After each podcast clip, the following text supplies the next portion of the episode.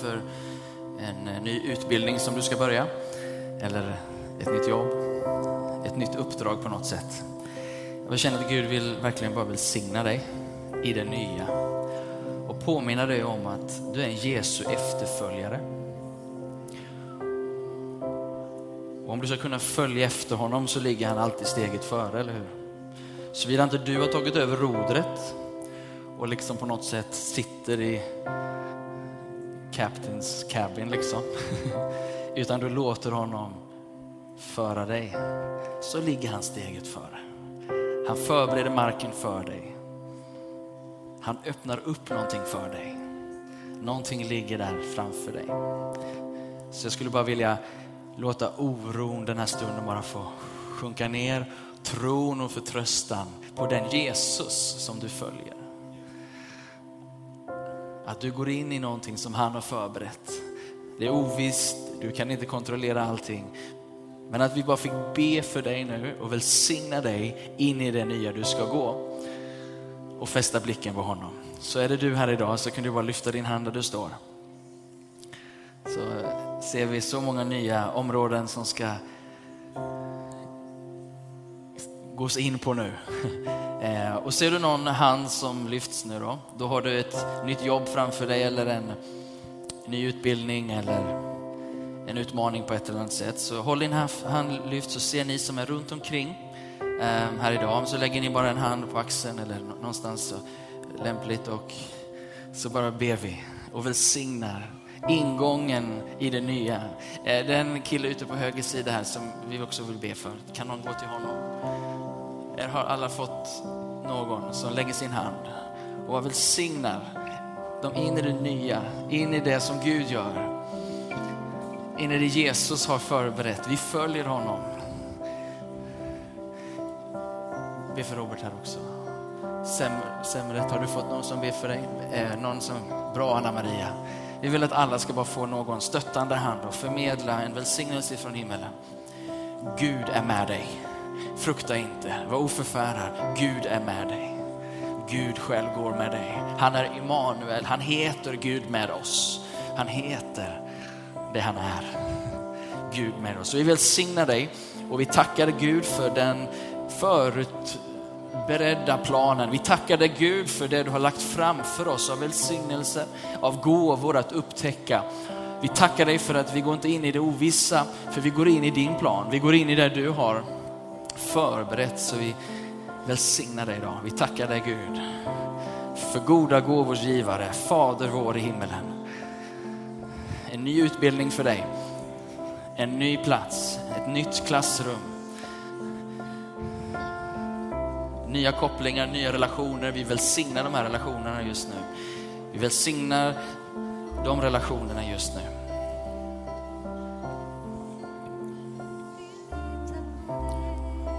Och så skulle vi också vilja sända dig att förmedla Guds rike där du går fram. Vi vill också sända dig med något mer än bara att du ska må bra där, men att få andra att må bättre. För att Guds rike gör alltid allting bättre. Vi ber att ditt rike Gud ska komma på de här platserna, att ditt rike skulle få påverka och välsigna de här platserna. Att det skulle vara en skillnad i atmosfären, att det skulle vara en skillnad i sättet man pratar på, sättet man umgås på, sättet man gör affärer på, sättet man delar livet. Låt oss sjunga en gång till för den här världens skull. Kan vi göra det? För den här världens skull, brinn som en eld Brinn en eld. Tänd en låga så stark att alla kan se dig. För den här världens skull, brinn som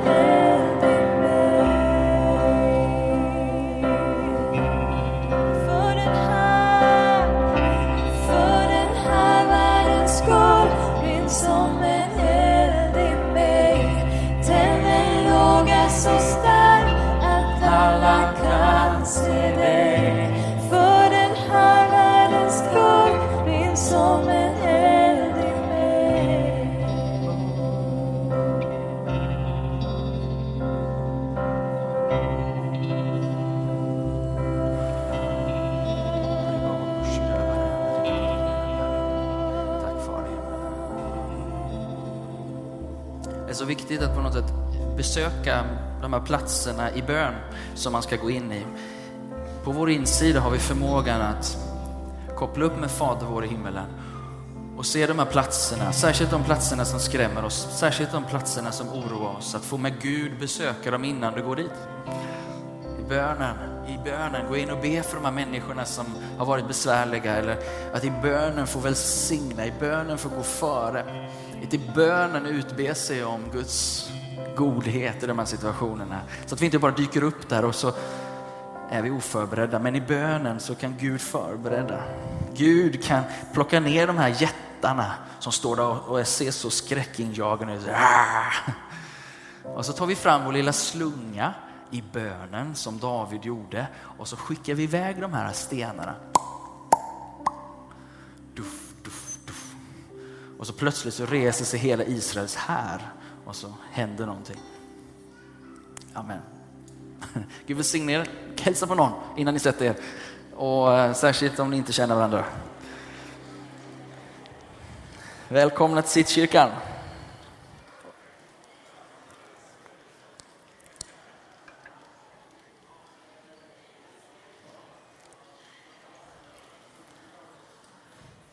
Och tack lovsångsteamet för att ni betjänar oss.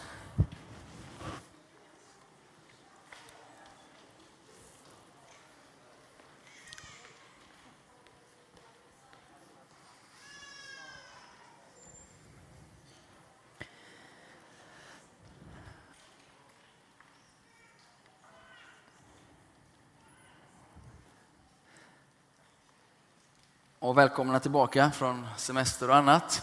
Säg till mig själv och ni som är nya här i stan. Eh, Paolo Lenius heter jag och är eh, pastor här i församlingen.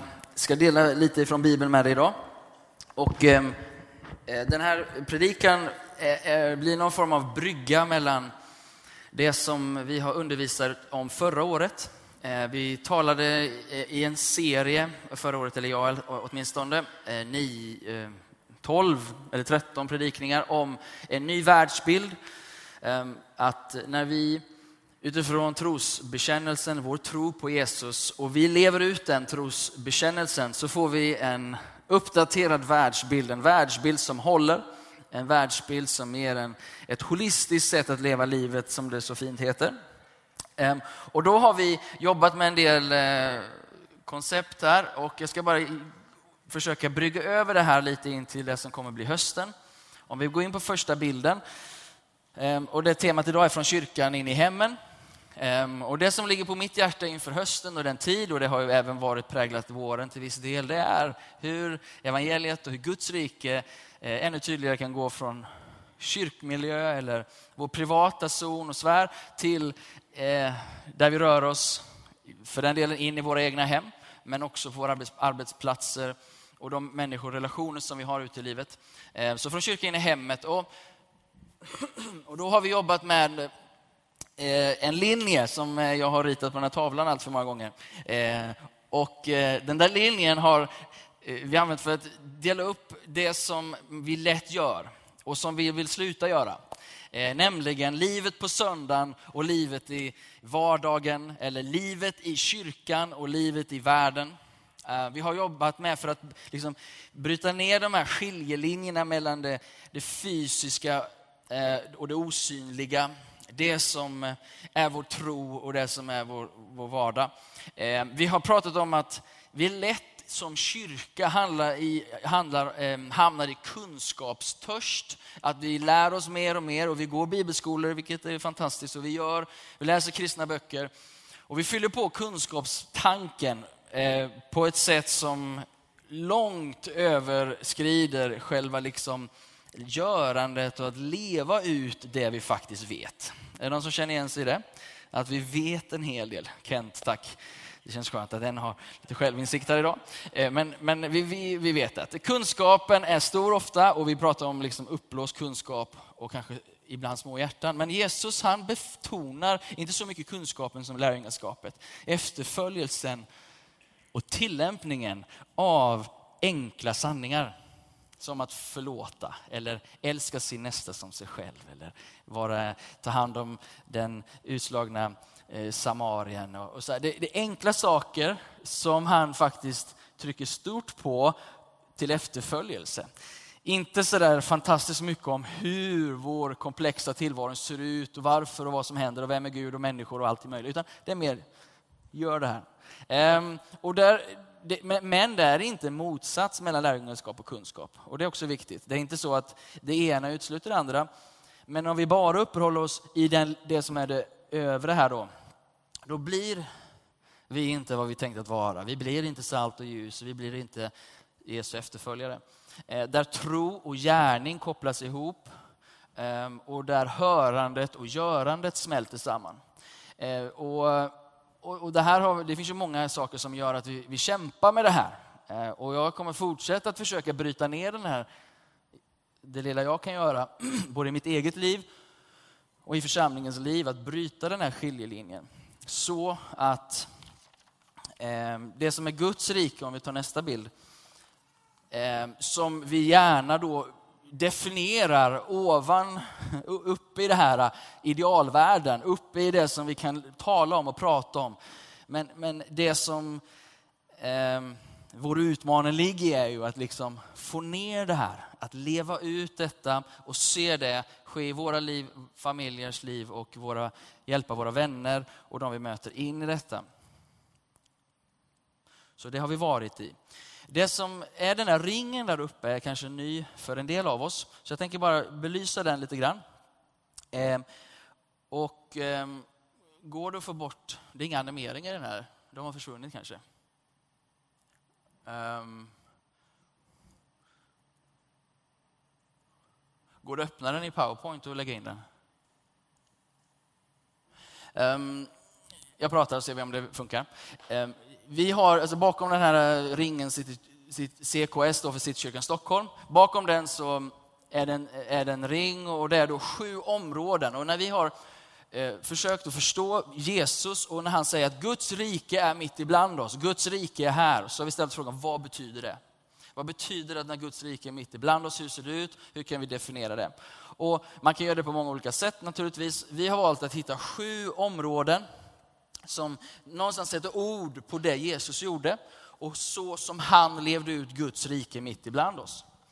Ehm, och vi tänker oss att vi följer honom och därför vill vi tillämpa det han tillämpade. Det som var hans sätt att tillämpa riket på, det är det sättet som vi eh, gör det också på. Jag kanske missar att lägga en animering på den här, men anyhow. Ehm, och det vi har högst upp här, nu lite eh, färg på vit bakgrund så det är inte så lätt att se kanske, men det är att älska och hedra.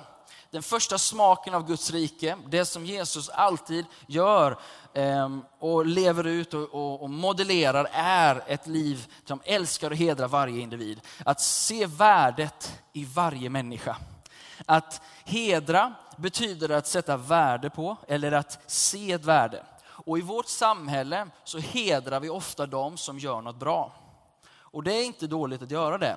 Men vårt värde som människa följer inte det vi gör. Utan vårt värde som människa följer den vi är. Och det betyder att människans unika värde är fastslaget innan du har gjort varken gott eller ont.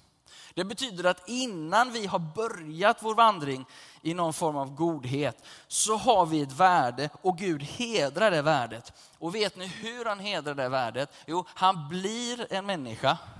Han dör som en människa, uppstår som en människa för att bekräfta värdet på det han har skapat. Så om du någon gång, och i mitt fall om jag någon gång funderar på mitt värde som människa, så peka på Jesus, tänk på vad gjorde han för mig? Det visar på att själva himmelen är beredd att avsäga sig sin glans och härlighet för att stiga ner och bli så som en av oss, så att vi kan bli sant mänskliga i det Gud har skapat oss att vara. Någon säger lite käckt, jag tror det är Stefan Gustafsson, säger gör som Gud blir människa. Eller hur?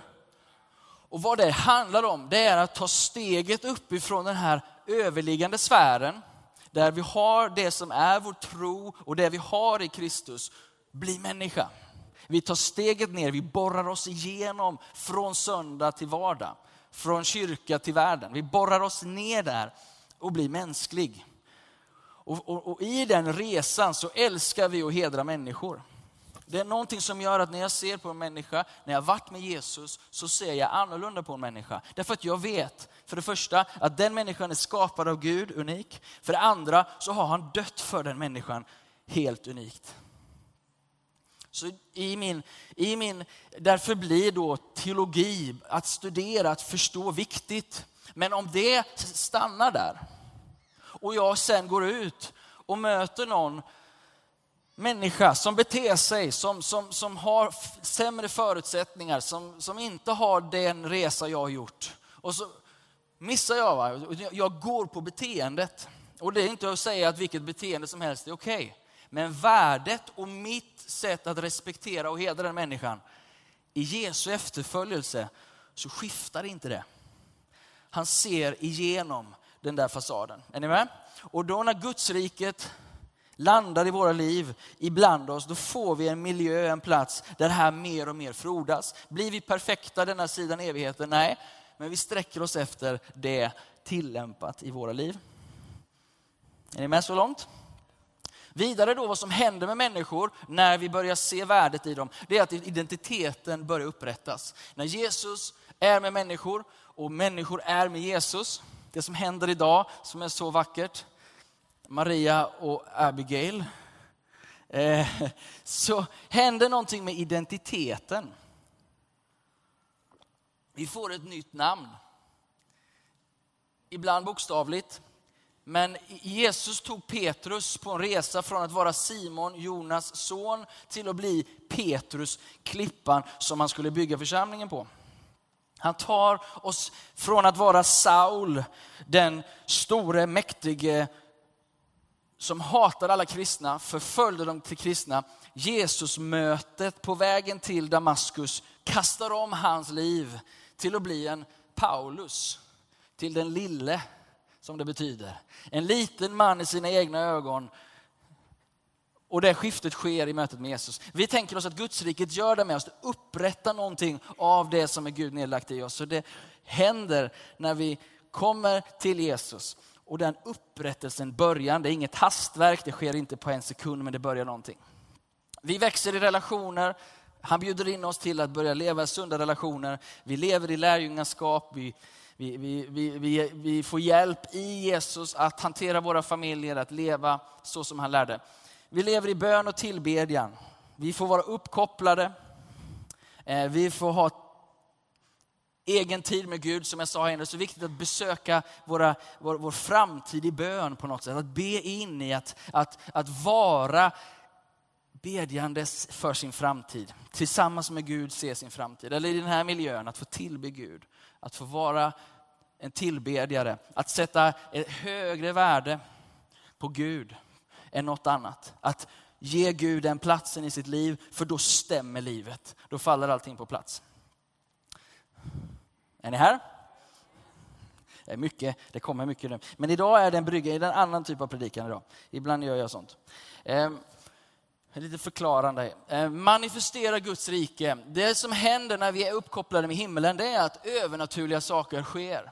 Vi har tillgång till att, att, att de naturliga förutsättningarna är inte vår begränsning. Det som är de naturliga omgivningarna är inte vår begränsning. Jesus går in, förvandlar vatten till vin.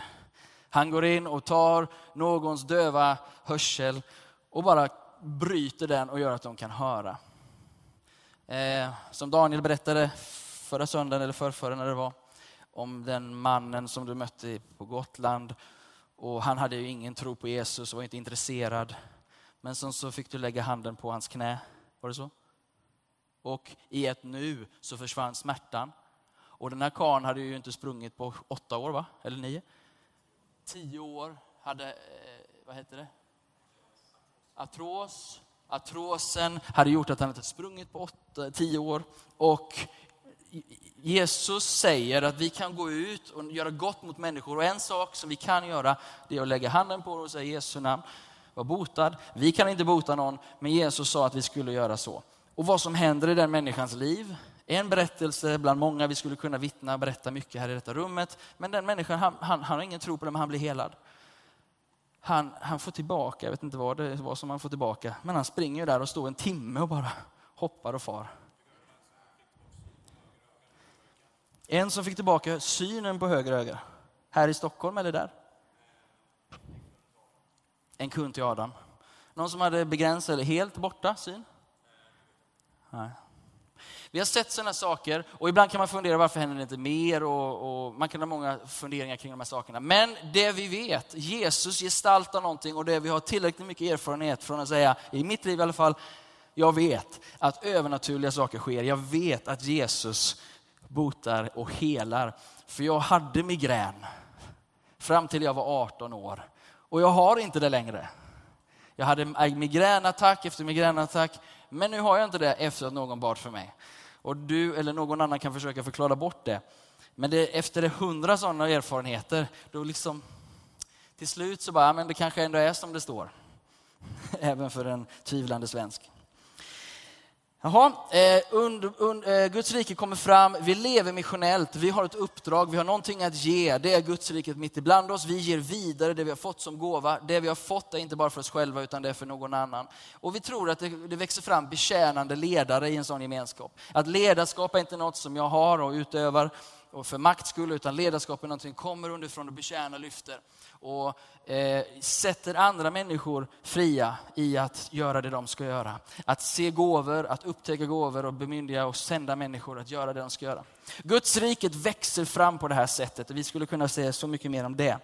Men nu är jag liksom, försöker jag brygga här nu för att hitta vägen. Hur går vi från den, om vi går till nästa bild.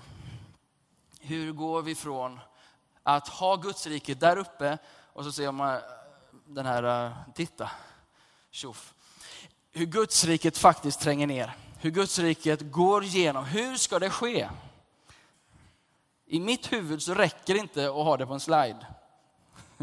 Det sker inte, det spelar ingen roll om den här far ner, utan det, det händer bara. Hur händer det? Hur sker det? Hur går vi från att ha riket där uppe till att, om vi tar nästa slide, riket faktiskt fyller den här världen. Och där vi faktiskt suddar bort den här linjen, jag vet inte om den funkar om du trycker en gång till. Jo, titt. Att Guds riket faktiskt skapar den här holistiska världsbilden som inte är det synliga slash vetenskapliga emot det osynliga slash tro. Utan det finns ett liv som faktiskt väver in allt det här att det är ganska intressant att redan på 200-300-talet när man startade, man, när, när, det var lite lättare för de kristna att öppna kristna skolor, det blev det på 300-talet fullt ut. Men när man hade detta i Caesarea, då hade man tagit Origenes stora bibliotek som han jobbade med nere i Alexandria, man hade tagit det dit. Och när man började undervisa den kristna läran, vet du man undervisade också? I naturvetenskap och historia. Man vävde ihop, alltså att dela upp eh, världsbilden mellan kyrkligt och icke-kyrkligt eller pastoralt och profant. Eh, det, det, vet jag inte riktigt exakt när det sker, men, men, men det skedde inte i början. Det var inte så det var tänkt. Så hur ska vi göra då? Hur ska vi göra? Vi läser ifrån den helige skrift. Lukas evangelium kapitel 10 är ett av de bibelord och sammanhang som jag lever med och då får ni också göra det. Idag i alla fall. Lukas 10, kapitel 10, vers 1 så står det så här. Därefter utsåg Herren 70 andra och sände dem två och två framför sig till varje stad och plats dit han själv skulle komma. Han säger till dem, skörden är stor, men arbetarna är få. Be därför skördens herre att han sänder ut arbetare till sin skörd. Och sen så här, gå ut. Gå ut. Se, jag sänder er som lamm in bland vargar. Ta inte med er någon börs eller lädersäck eller några sandaler och hälsa inte på någon under vägen. Hmm. Det är att vara målinriktad. När ni kommer in i ett hus, säg då först frid över detta hus. Och om där bor en fridens man skall den frid ni tillönskar vila över honom. Annars skall den vända tillbaka till er. Stanna i det huset och ät och drick vad ni får, till arbetaren är värd sin lön. Flytta inte från hus till hus. Och när ni kommer till en stad eh, där man tar emot er, så ät det som sätts fram åt er. Bota de sjuka i den staden och säg till folket, Guds rike är nu hos er. Bota de sjuka i den staden och säg till folket, Guds rike är nu hos er.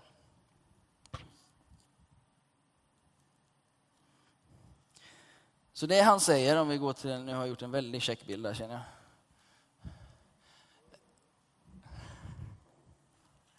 Ehm. Det, det, fattas två gubbar där, om vi trycker en gång till. Nja, no, det hände där ja, och så innan det. Upp, upp. Och en till. Japp. Och så en pil till. Japp.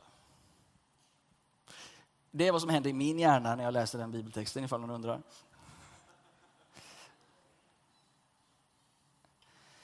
Han säger två av er, göm er inte i, i, i kyrkan där utan ge, ge, ge er in. Teama ihop. Och så bakom den här fina boxen där och så är det en mängd olika ansikten. Och det är de vi ska in och betjäna, vara nära. Och det här tänker jag mig är den enkla formen av vad som ligger i vårt uppdrag. Och det är inte att dra människor till kyrkan, utan att ta kyrkan till människorna. Och det här är ju en väldigt gammal predikan, men så sant. Och det är bara så att det här riket som ska ner genom den här linjen, in i hemmen, den gör bara det om de där två hemskt saliga, fantastiskt saliga människorna där uppe faktiskt går. Faktiskt går.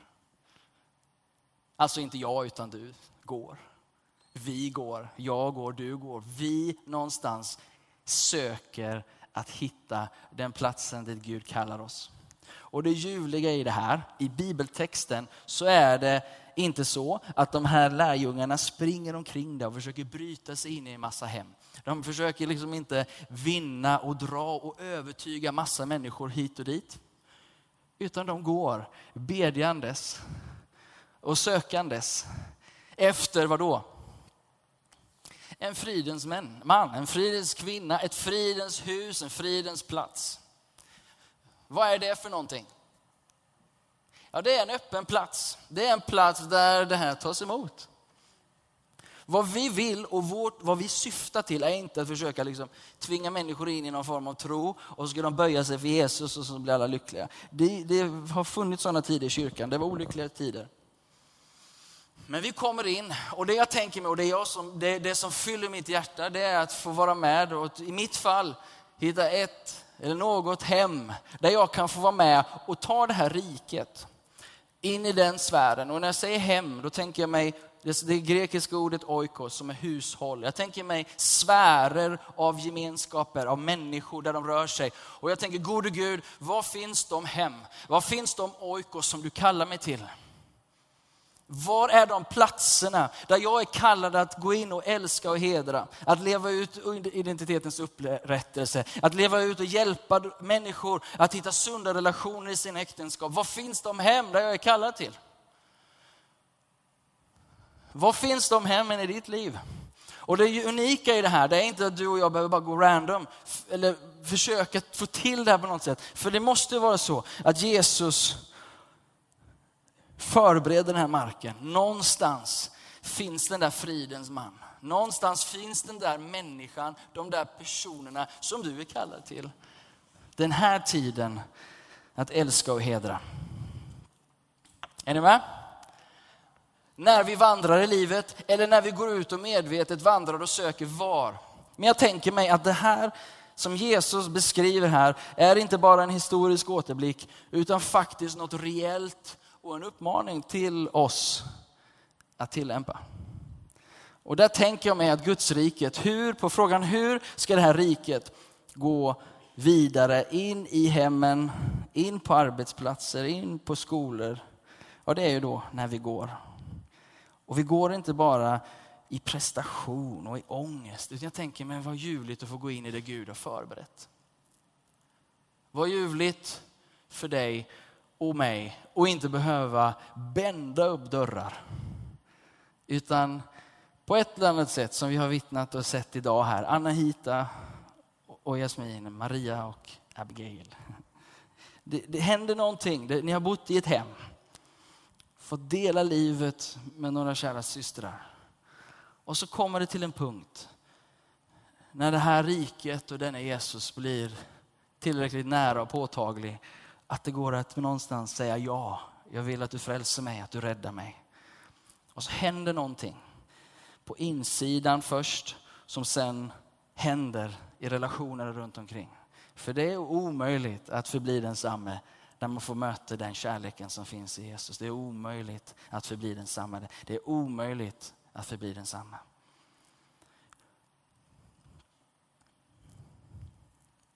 Och vad gör vi när vi, när vi eh, hittar ett fridens hem?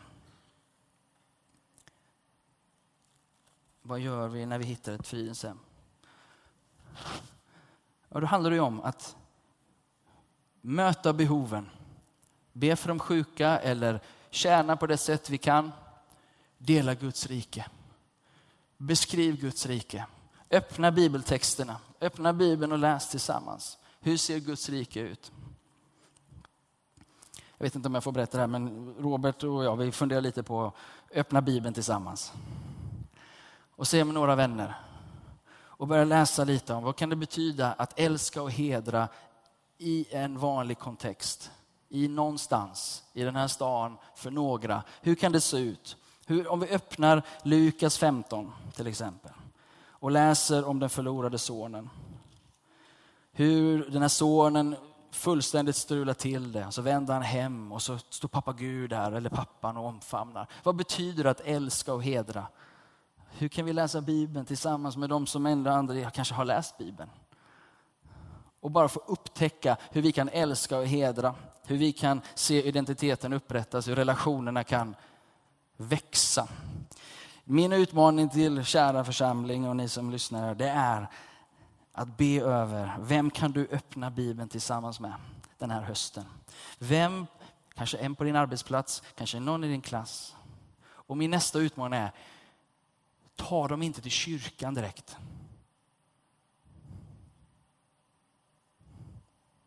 Inte som en lag, men som en utmaning. Vad hela världen säger pastorn? Ska vi inte ta våra vänner till kyrkan? Jo, absolut. Och om vi nu pratar om eh, Anahita Anna-Hita, så kommer ju du väldigt snabbt till kyrkorna och det är fantastiskt och vi får uppleva någonting tillsammans. Men det är någonting i vårt intränade sätt att vara, kära vänner, som säger oss att ta den här människan, vår vän eller den som är nyfiken till pastorn eller till någon annan. Låt dem få uppleva den här atmosfären så ska det nog ordna sig, ska vi se. Nu talar jag väldigt öppet, men och det är bra. Vi har så mycket att uppleva här tillsammans. Men vad som händer är att vår tro, den, den tro som växer fram, den växer fram kopplad till någon annan eller något annat, en atmosfär eller någonting. Men jag skulle vilja se, är ni med mig? Ni är väldigt tysta idag, men det är okej. Okay. Um, jag skulle vilja se människor möta Jesus över kafébordet när de läser Bibeln och helig ande kommer över dem. Jag skulle vilja att det var som när Cornelius ropar på Petrus och säger kom hem och berätta evangeliet för oss. Och när han öppnar evangeliet, nu hade han ingen bok att läsa, men han återberättar evangeliet, vad händer då? Den helige ande faller över dem. De har aldrig varit i kyrkan, de har ingen aning om vad som händer. Plötsligt så börjar de tala i nya tungor och profetera. Plötsligt så kommer himmelen ner. När, när, när Paulus och Silas är det va? I, som sitter i fängelset. Och det skakar och, och det eh, är, himmelen skakar och när änglar kommer och allt vad det är. Fångvaktaren blir livrädd. Han tror att han ska dö för att han har släppt ut alla fångar och det har han ju inte, men han frukta det. Och vad som händer på den, i den situationen, det är att vi kan gå dit, så får vi läsa ett tillfälle här. Nu ska vi se, var vi är alla mina papper. Apostlagärningarna kapitel 16.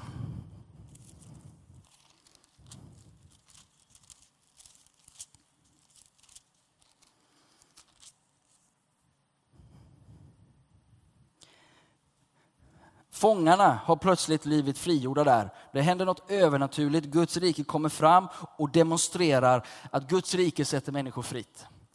Det händer när Paulus och Silas sitter och sjunger lovsånger. I lovsången kommer Guds närvaro och där händer någonting. Människor blir fria. Och vad som händer då det är att den här fångvaktaren, han är rädd för sitt liv. För han tänker att nu kommer jag dö. För det var konsekvensen om detta kom eh, de som bestämde till det elva.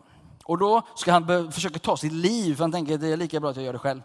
Eh, vers 28 står det, men Paulus ropar högt, gör det inte något illa. Vi är ju alla här. Vi har inte sprungit iväg.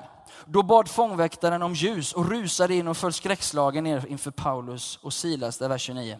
Sedan förde han ut dem och frågade, ni herrar, vad ska jag göra för att bli frälst? Och de svarade, tro på Herren Jesus så blir du frälst. Lyssna, du och din familj. Du och din familj. Redan vid samma timme, ehm, vers 33, tog fångvaktaren med dem och tvättade deras sår och han döptes genast tillsammans med hela sin familj.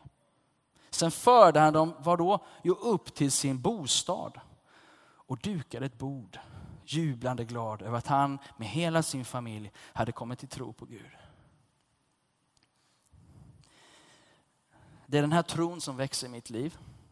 Att vi ska få se individer komma till tro, ja, och få uppleva Guds rike och upprättelse. Men att det ska ske någonting i familjerna. Att det ska ske någonting i hemmen.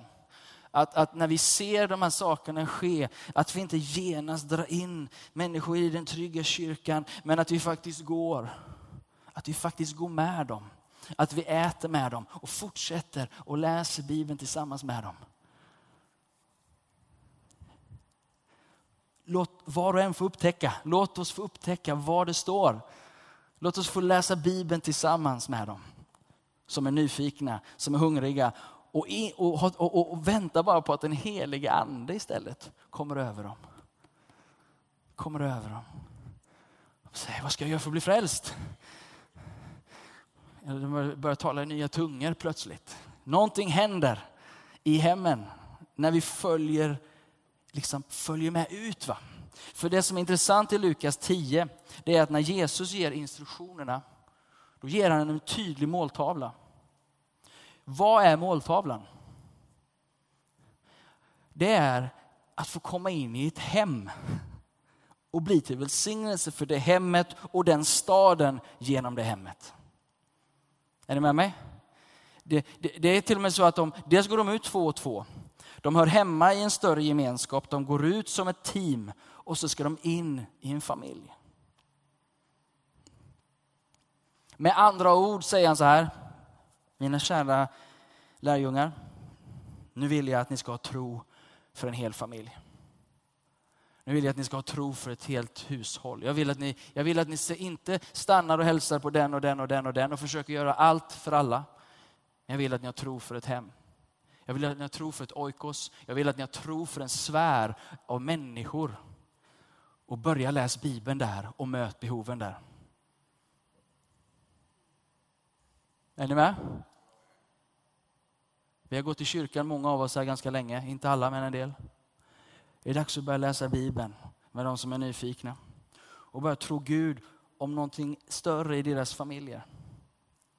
Och vad är det vi söker? Jo, vi söker att det här Gudsriket ska få växa fram och hela relationer få upprätta identitet.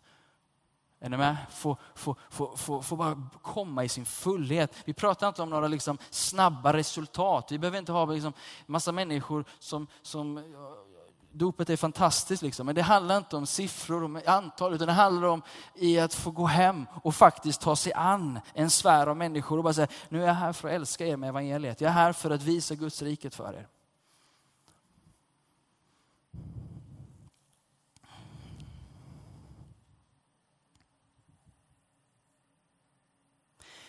Jag tror jag tar tillfället och läser någonting för er. blir det sagostund. Och jag vet inte om jag läst det här innan för er, men det här tycker jag är intressant. Eh, Eusebius, kyrkohistoria. Nu blir det lektion här. Den här killen levde på 300-talet.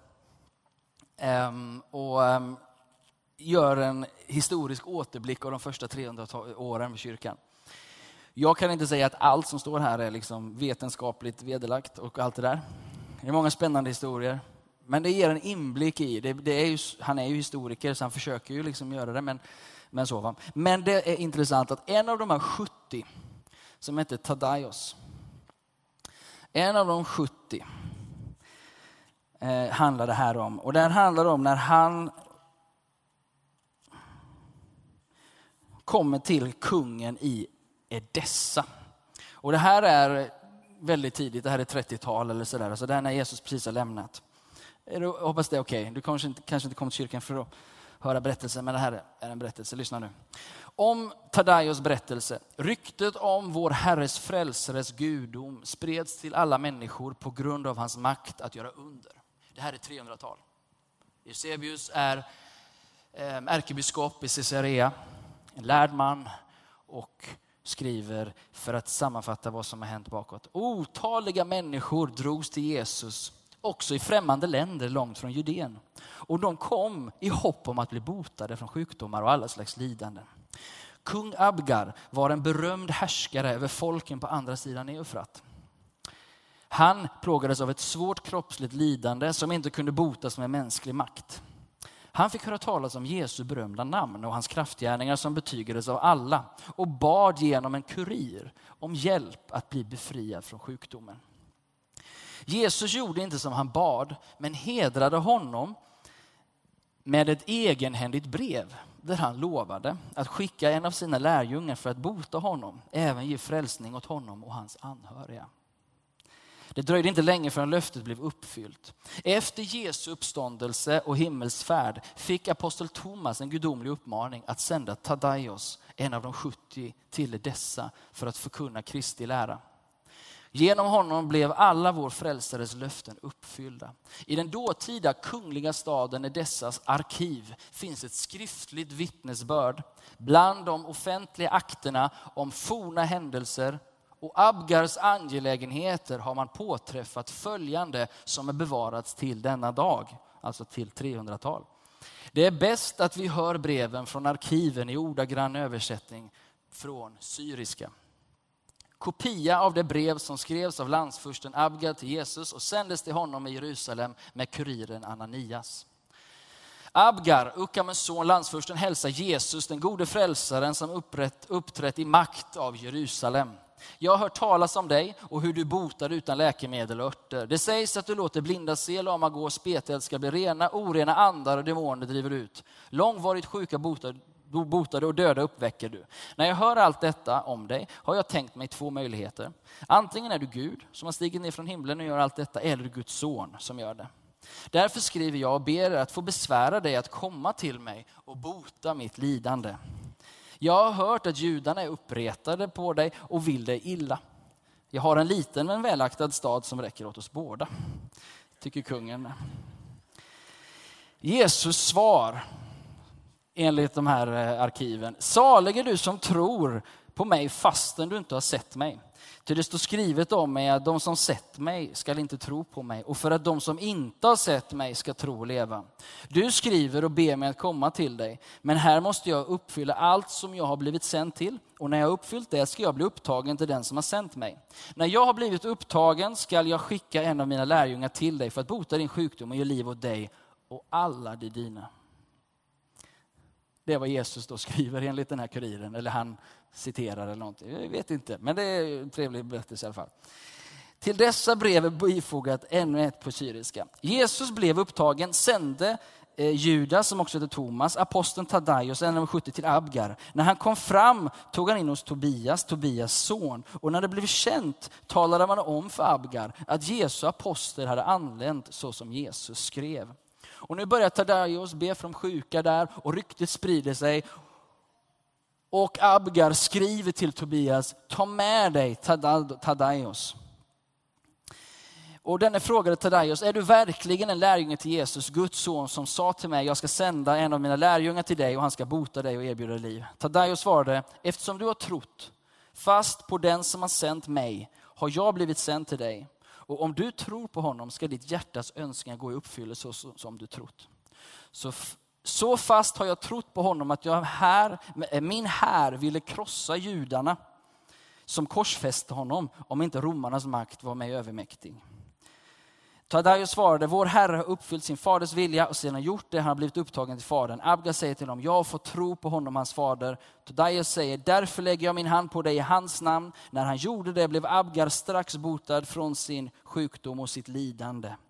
Och när han blev häpen, han såg att det händer, han kommer med sin son, han blir helad. Och så säger han så här, nu vill vi höra om vad denne Jesus har gjort och vem han är. Och då säger Tadaios något som är intressant, och nämligen att han säger att nej, jag ska inte berätta det här och nu, för jag vill att du ska samla in hela ditt hushåll och alla de som du känner. Så ska jag berätta vem den här Jesus är. Och så gör han det och de tar emot Jesus. Han uppväckte de döda, han berättar evangeliet. Detta hände det 240 året enligt den tidräkningen. Det var någonting som Jesus bara satte igång som fortsatte och som på ett eller annat sätt som vi har tappat och som vi nu får upp, återupptäcka. Tadaios var väl medveten, jag vill gå in till dig och det dina. Jag är inte bara sänd för kungen, jag är inte bara sänd för individer, men jag har fått hemmen på mitt hjärta. Jag har fått oikos, jag har fått ett uppdrag att gå till dig och det dina.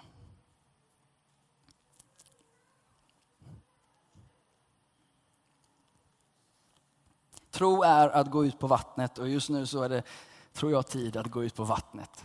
Det är tid för pastorn att lämna kyrkan och det är tid för de troende att gå ut. Eller? Jag tänker mig att det är bara möjligt om vi ska se Guds riket tränga igenom den här sfären från kyrka till vardag. Från, från, från söndag till, till veckodag. Lovsångare, vill ni, vill ni komma fram?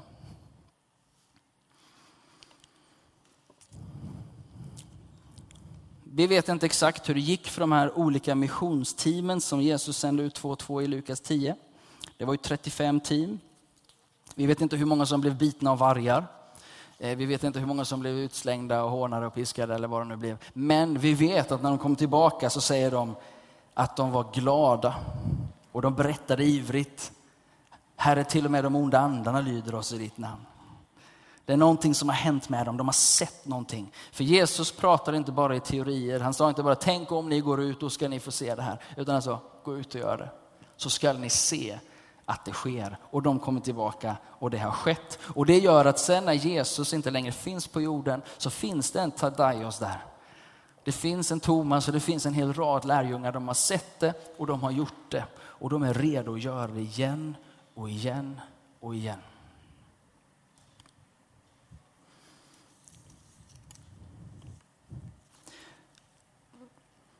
Och var, vad gör vi med det här? Jag tänker att börja läsa de här texterna, börja vara i ordet, börja fundera på hur kan jag tillämpa det här i mitt liv? Var finns en fridens man eller en fridens kvinna i min sfär? Finns det någon som är nyfiken? Finns det någon som är redo att börja läsa Bibeln tillsammans med mig? Och börja öppna berättelserna om Jesus, läsa liknelserna med våra vänner.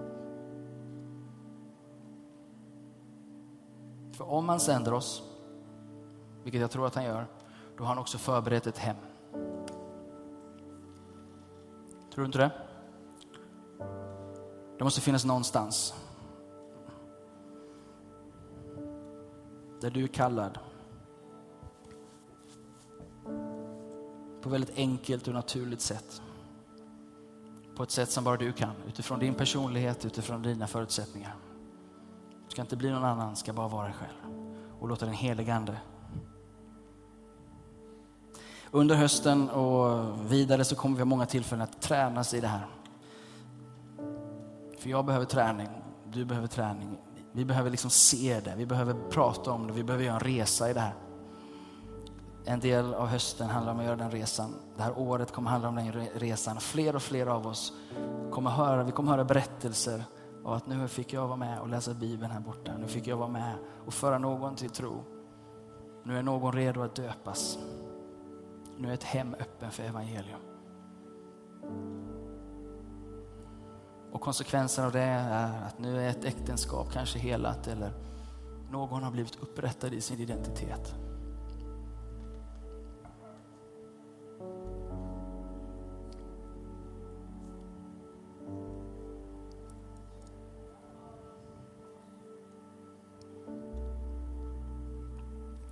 Ska vi stå upp tillsammans hörni?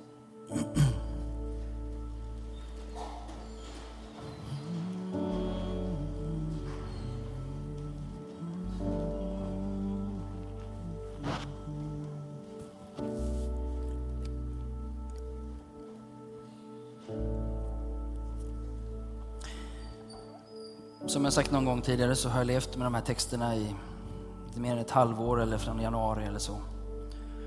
Du det har utmanat mitt liv om och om, om igen.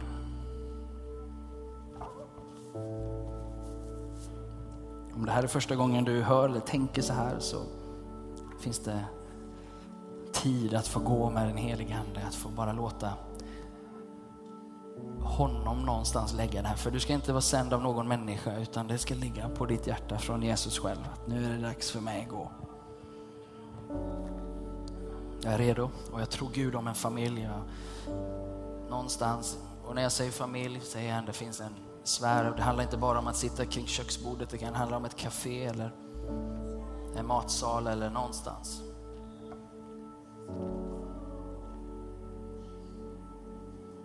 Men Guds rike måste få komma ut. Guds rike måste få genomsyra Stockholm.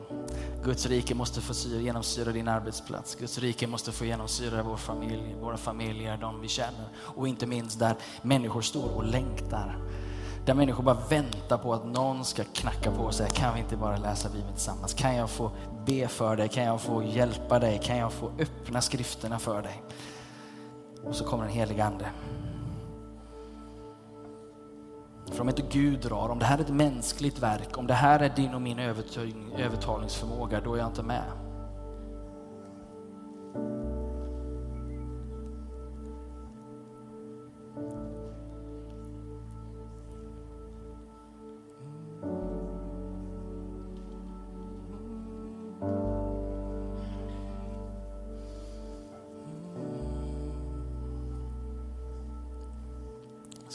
Sträcka oss efter Gud i, i tillbedjan en stund. Det finns någon som har förberett sig också eh, och bett innan gudstjänsten och kanske finns några kunskapens ord eller något, några hälsningar, jag vet inte. Mm. Vi kan gå till, till Alfred.